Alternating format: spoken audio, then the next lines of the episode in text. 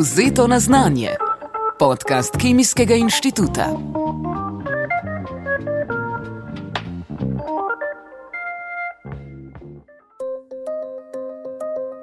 Pozdravljeni. X-žrkovna kristalografija kriopresevna elektronska mikroskopija in porotvorni proteini bi bila v resnici odlična imena za superjunake. So pa tudi raziskovalna področja, s katerimi se ukvarja prejemnica Cojzovega priznanja, ki jo gostimo tokrat. Izredna profesorica dr. Marjetka Podobnik z nami ni spregovorila le o svojih nedavnih dosežkih na področju strukturne biologije, ampak tudi o položaju žensk v znanosti. Saj vsako leto februarja praznujemo Mednarodni dan žensk v znanosti, oziroma natančneje Mednarodni dan žensk in deklet v znanosti, ki so ga na Kemijskem inštitutu obeležili s celodnevnim dogodkom. Vseeno za začetek prisluhnimo razlagi, s čim se današnja gostja, ki je tudi vodja odseka za molekularno biologijo in nanobiotehnologijo na Kemijskem inštitutu, ter pionirka strukturne biologije pri nas, pravzaprav ukvarja. Strukturna biologija je res neko zelo široko področje metodoloških pristopov, s katerimi pač glavni cilj je, da določimo zgradbe bioloških molekul res pri visoki ločljivosti. Se pravi, če se da, da vidimo, kako so v treh dimenzijah postavljeni atomi, ki jih sestavljajo. Ne? Torej, zdaj sam čist tehnično, da pridemo do takih visokih resolucij, uporabljamo take pristope, kjer so dejansko za to potrebni pač ali posebni mikroskopi, to recimo krioelektronski mikroskop, kjer pravzaprav ne s pomočjo snopa elektronskih žarkov, ki imajo pač tako nizke valovne dolžine, res lahko dosežemo potem tudi resolucije. Ne, tako da vidimo torej, ločljivosti, da vidimo atome, ker svetlobo vidno, ne zaradi pač valovne dolžine, vidne svetlobe ne moramo videti, ker je pač predolga ta valovna dolžina. Pri rentgenskih žarkih ne, pa, pač ne moramo govoriti o mikroskopiji, že zato, ker tehnično tukaj ni možnih leč, zaradi tega, ker rentgenski žarki tega onemogočajo, da bi imeli kot mikroskop leče, ampak lahko tudi s pomočjo rentgenskih žarkov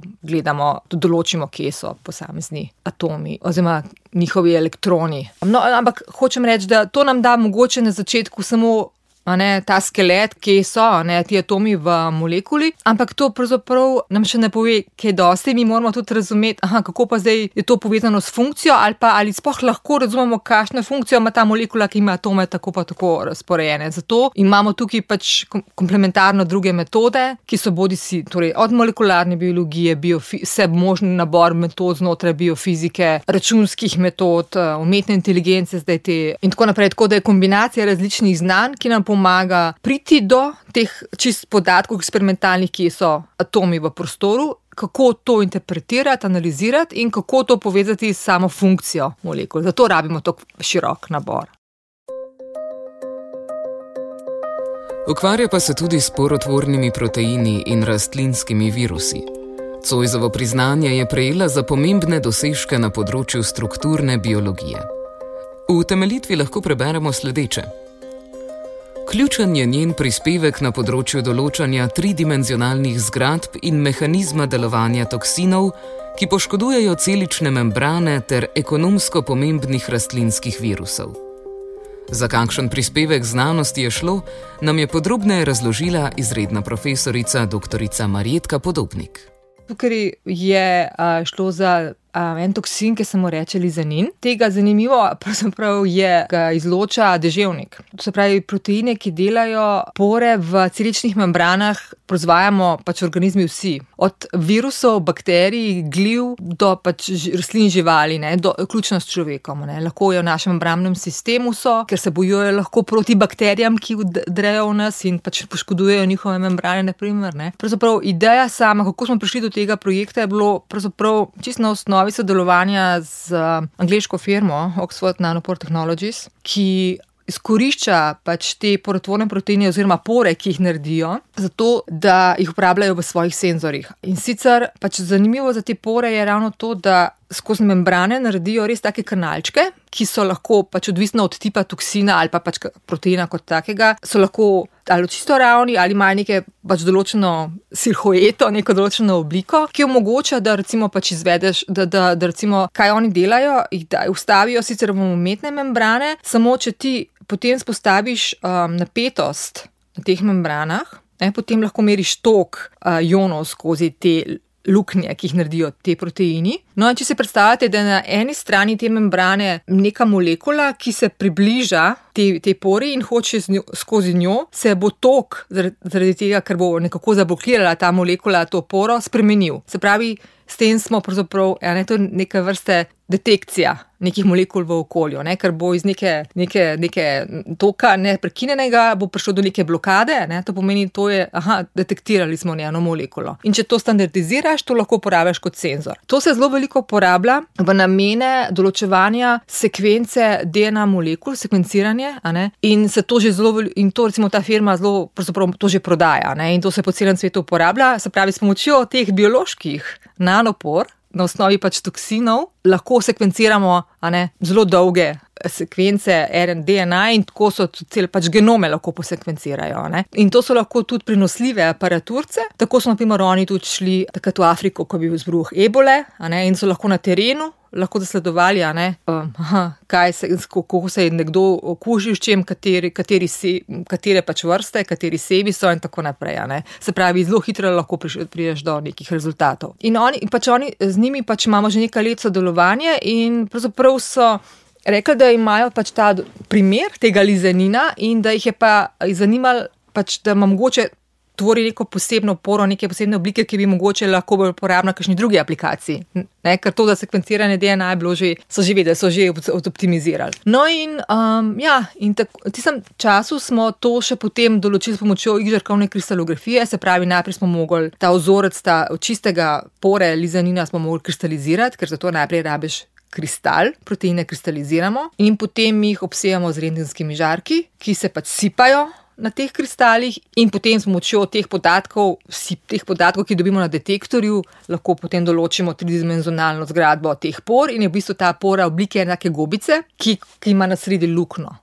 In potem smo pač naredili še nekaj drugih eksperimentov, sporedno s katerim smo ugotovili, kako sploh pride do nastanka te pore, ker te proteini, ki delajo luknje v membranah, splavajo v raztopini in so v obliki monomerov. In potem se, recimo v tem primeru pri lizeninu, ko pač se približa uh, membrani, je v membrani en specifičen lipid. Ki je receptor za ta protein. Ta protein se gor usede, in potem se tudi, pač kar je več, seveda, teh molekul tega proteina, se začnejo združevati na membrani, začnejo urejati neke urejene strukture in potem naredijo v bistvu tak obročasto, uh, se, se združijo in v nekem trenutku spremenijo svojo obliko v toliki meri, da pač prodrejo.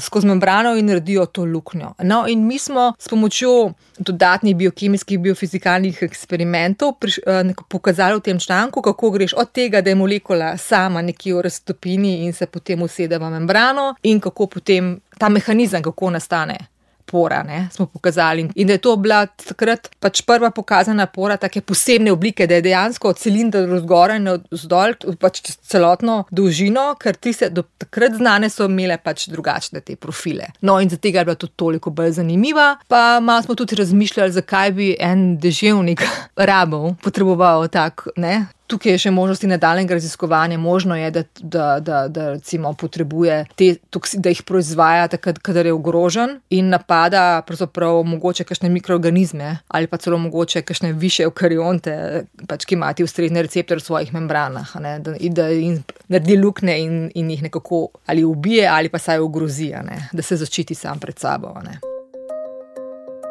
Doktorica Podobnik je bila letos tudi ena od predavateljic na dogodku, ki ga je Kemijski inštitut pripravil ob Mednarodnem dnevu žensk in deklet v znanosti. Generalna skupščina Združenih narodov je zanj odredila 11. februar, prvič pa smo ga praznovali leta 2016. Naša današnja gostja je na proslavi ob dogodku predstavila svoje trenutno delo.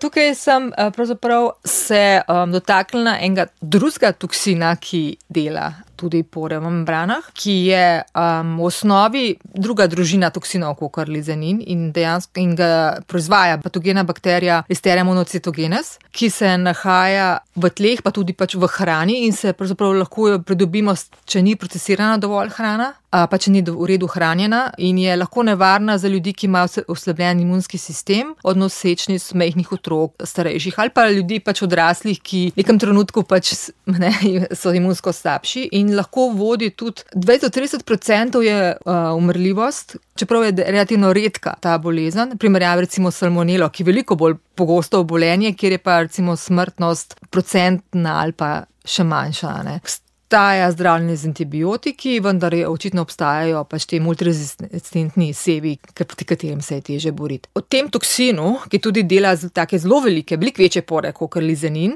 Več, več desetkrat večje, ima nekega asistentko, asistente, da mu uh, vsako bakterija pač proizvaja več virulenčnih faktorjev. In uh, mi smo poročevali neko fosfolipazo, nek encim, za katerega bo znano, da je nujno potreben za bakterijo, da, da lahko funkcionira, poleg tega toksina, ki dela luknja v membranah. No, mi smo pa zaprav opisali prvi, kot prvi tridimenzionalno zgradbo te fosfolipaze tega encima. In pokazali, da pač takih fosfolipaz, takih encimov, take imajo tudi druge patogene bakterije, ampak vsaka ima malo drugačnega. Ne? In jaz sem, nas so zanimali ti detajli, v čem je pa različna ta iz te specifične bakterije, ki, ne, ki nas je nas zanimala, ki, lahko, ki dejansko lahko v kombinaciji s tem toksinom delujeta uspešno, ker kombinacije od drugih bakterij s tem toksinom veliko slabše delujejo ali pa celo ne. Se pravi, nekaj mora biti posebnega. Ne? Ne, pa smo ugotovili, da, da res take malenkosti so bile različne od drugih podobnih encimov, ne? ki so ključne, da je ta encim reguliran tako, kot mora biti v pravem času, v pravem mestu, ne, da ni preveč aktiven, ker če bi bil preveč aktiven, bi zapravo škodilo bakteriji, bakterija pa hoče biti uspešna kot patogen. Ne. In pa smo še pogledali, kako pravzaprav dejansko, sicer in vitro, je pravzaprav sodeluje s tem toksinom, ne, kako mu pomaga, da na lažji način uh, in hitreje lahko poškoduje tudi membrane, ki mogoče same po sebi niso idealne, nimajo idealno spostavljenih receptorjev za ta toksin, ampak mu ta encim pomaga, da, da, da hitreje pride do te, oprav, da hitreje opravi ta toksin svojo nalogo in bolj učinkovito. Se pravi, ta kombinacija, ta pozitivna sinergija. Ne? To smo se skupaj pokazali pri tem delu. V svojih odgovorih doktorica Podobnik ni omenila veliko imen, a vendar se je zdelo, da je med njimi več žensk kot moških. Po podatkih Statističnega urada Republike Slovenije je v državi sicer trenutno 6000 doktoric znanosti, letno pa doktorira približno enako število žensk kot moških. Delež žensk med novimi doktoricami se je v zadnjih 40 letih povečal za 35 odstotnih točk. Če se ozremo, da nimo na začetek 80 let prejšnjega stoletja, je bilo med novimi doktoricami le 18 odstotkov žensk. Kako je z razmeri spolov v ekipi doktorice Marijetke Podobnik? Mislim, da mogoče še vedno več deklet. Ko sem jaz prišla na Kemijski inštitut, se pravi, to je pa zdaj že dobri 20 let nazaj, ko sem se vrnila iz Amerike, so bile na tem odseku same ženske. Tako, same ženske, oziroma en moški je bil. No, In potem preko let se mi zdi, da smo prišli počasi 5%, pa 10%, pa tako. No, in zdaj imamo mogoče že kaplamo proti polovici fantov. tako da pri nas je bilo več žensk oziroma deklet, kot kar uh, fantov. No. Pa, in, in je pa najprej smo pravzaprav iskali, da bi na en način imeli to ravnoteže, čim več fantov še dobiti, da bo ravnoteže med spoloma, ker se mi zdi, da je to zelo pomembno, da imamo ravnotežje. Po zadnjih razpoložljivih podatkih je bilo v Sloveniji sicer leta 2021 34 odstotkov raziskovalk in 66 odstotkov raziskovalcev, kar Slovenijo pravzaprav vršča med povprečjem med državami Evropske unije. Delež raziskovalk je bil najvišji na področju medicine, kjer jih je bilo kar 61 odstotkov, najnižji pa na področju tehničnih in tehnoloških ved, kjer jih je le 20 odstotkov. Se mi zdi, da to je odvisno od področja, ne? pa tudi od um, generacij. Tudi, jaz sem študirala kemijo in takrat je bilo sigurno več deklet kot fantov upisanih na začetku, potem, ko smo se razreč, razrečili ne, do četrtega letnika, tako smo imeli še pač prva stopnja, so bili štiri letniki, je bilo potem nekako mogoče si skoraj zravnano. Ne. Tudi na biologiji bi rekla, da je recimo veliko več deklet. Je pa pač ta trend, ne, da potem pa. Ko se pa z višjimi letniki, pa z višjimi pozicijami, se pa potem to zreducira ne? in je potem če dalje manj deklet. Tako da na začetku ni težko dobiti veliko kandidatk deklet, ne? Koliko jih pa konča, pa koliko gre potem naprej. Tukaj tam se pa potem stvari zožajo, ne? pa potem nekako fantje začnejo prevladovati. Ne? Se vam je zdelo, da je bilo v Ameriki enako? Spet v tej skupini, tej skupini ko sem jaz prišla, eh, takrat sem že pač po doktoratu, je bilo najprej več moških, bistveno več moških. In tudi, pravzaprav, jaz sem takrat eh, šla na intervju za takrat službo v štiri, na štiri različne skupine in posod so prevladovali moški, ker je bilo na področju strukturne biologije, so bili čist, je bilo moško področje, ko sem jaz delala. Jaz sem bila pač prvo Slovenijo doktorantko, doktorant doktorantov, ki sem spal delala na tem področju. In seveda pač nisem imela s kom primerjati, ker sem bila sama in edina 100% ženska populacija. In takrat sem.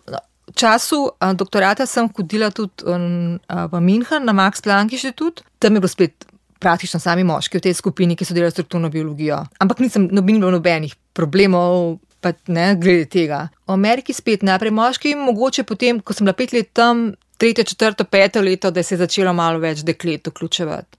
Ampak ja, to je bilo zelo dolgo časa, je bilo, to, je bilo zelo očitno, da, redki, da smo bili ženske redke no, na tem področju. To je zdaj začelo se precej spremenjati v zadnjih letih. Ja. Leta 2022 je bilo med financiranimi raziskovalnimi projekti 41 odstotkov projektov, ki so jih vodile ženske. Najvišji delež izbranih projektov v Sloveniji, ki jih vodijo ženske, je zabeležen na področju biotehničnih ved, kjer jih je bilo 59 odstotkov. Najmanjši pa na področju tehničnih ved, kjer jih je bilo le 25 odstotkov. Še vedno pa, po podatkih statističnega urada, doktorice znanosti v povprečju prejemajo za 12 odstotkov nižje plače kot moški z isto izobrazbo.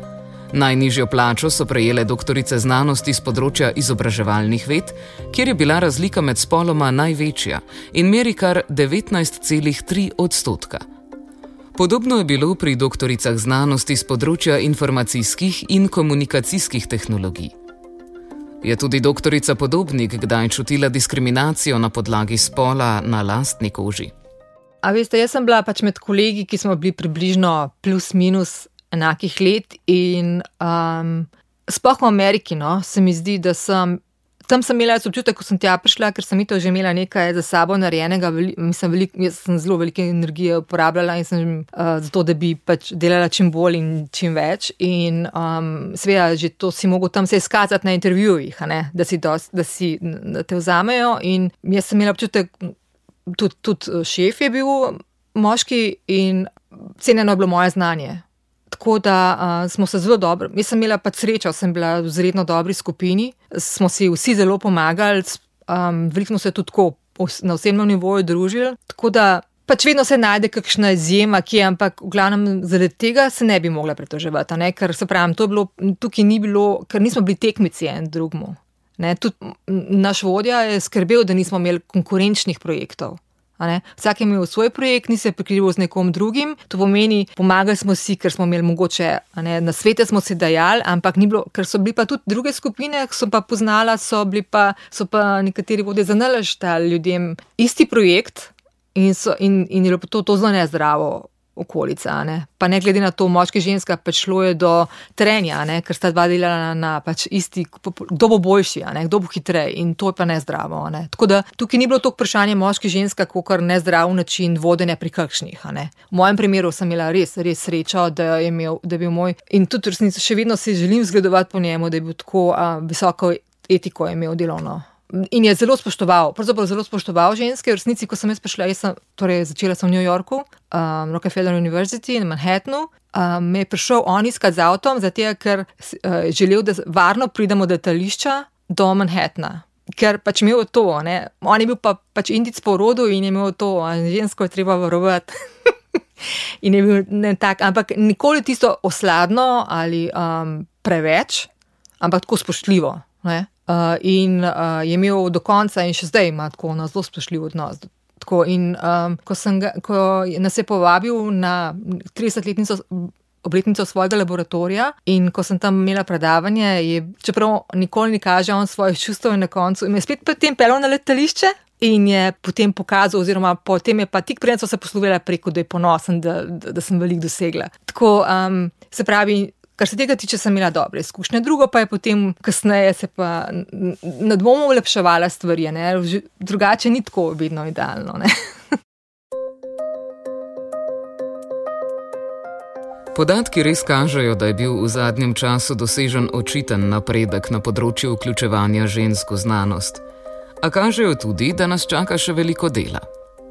Slovenska znanstveno-raziskovalna in inovacijska strategija 2030 med drugim poudarja ključen pomen integracije načela enakosti spolov v raziskovalno in inovacijsko dejavnost, v prvi vrsti pa naslavlja tudi izziv preniske zastopanosti žensk v vodilnih vlogah, onemogočanje napredovanja in zagotavljanje varnega in spoštljivega delovnega okolja za vse. Eden od izzivov pa bo tudi iskanje strokovnjakin, ki bi lahko o znanosti spregovorile v vodilnih medijih. Trenutno se namreč v intervjujih v 75 do 80 odstotkih kot strokovnjaki v vodilnih medijih pojavljajo le moški. Danes smo ta odstotek uspeli malo bolj zvišati, čeprav ne sodimo med vodilne medije v Sloveniji. Z nami je bila namreč izredna profesorica dr. Marjetka Podobnik. Če vas pa zanimajo tudi druga področja, na katerih delujejo strokovnjaki in strokovnjakinje, ki sodelujejo s Kemijskim inštitutom, pa vas vabim tudi k posluhu katerega od preteklih podkastov, ki ga najdete na spletni strani Kemijskega inštituta. Tudi tokrat sem bila z vami Pija. Lepo se imejte in se slišimo.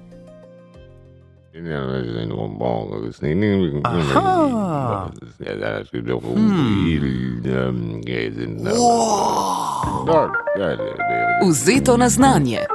Podcast Kemijskega inštituta.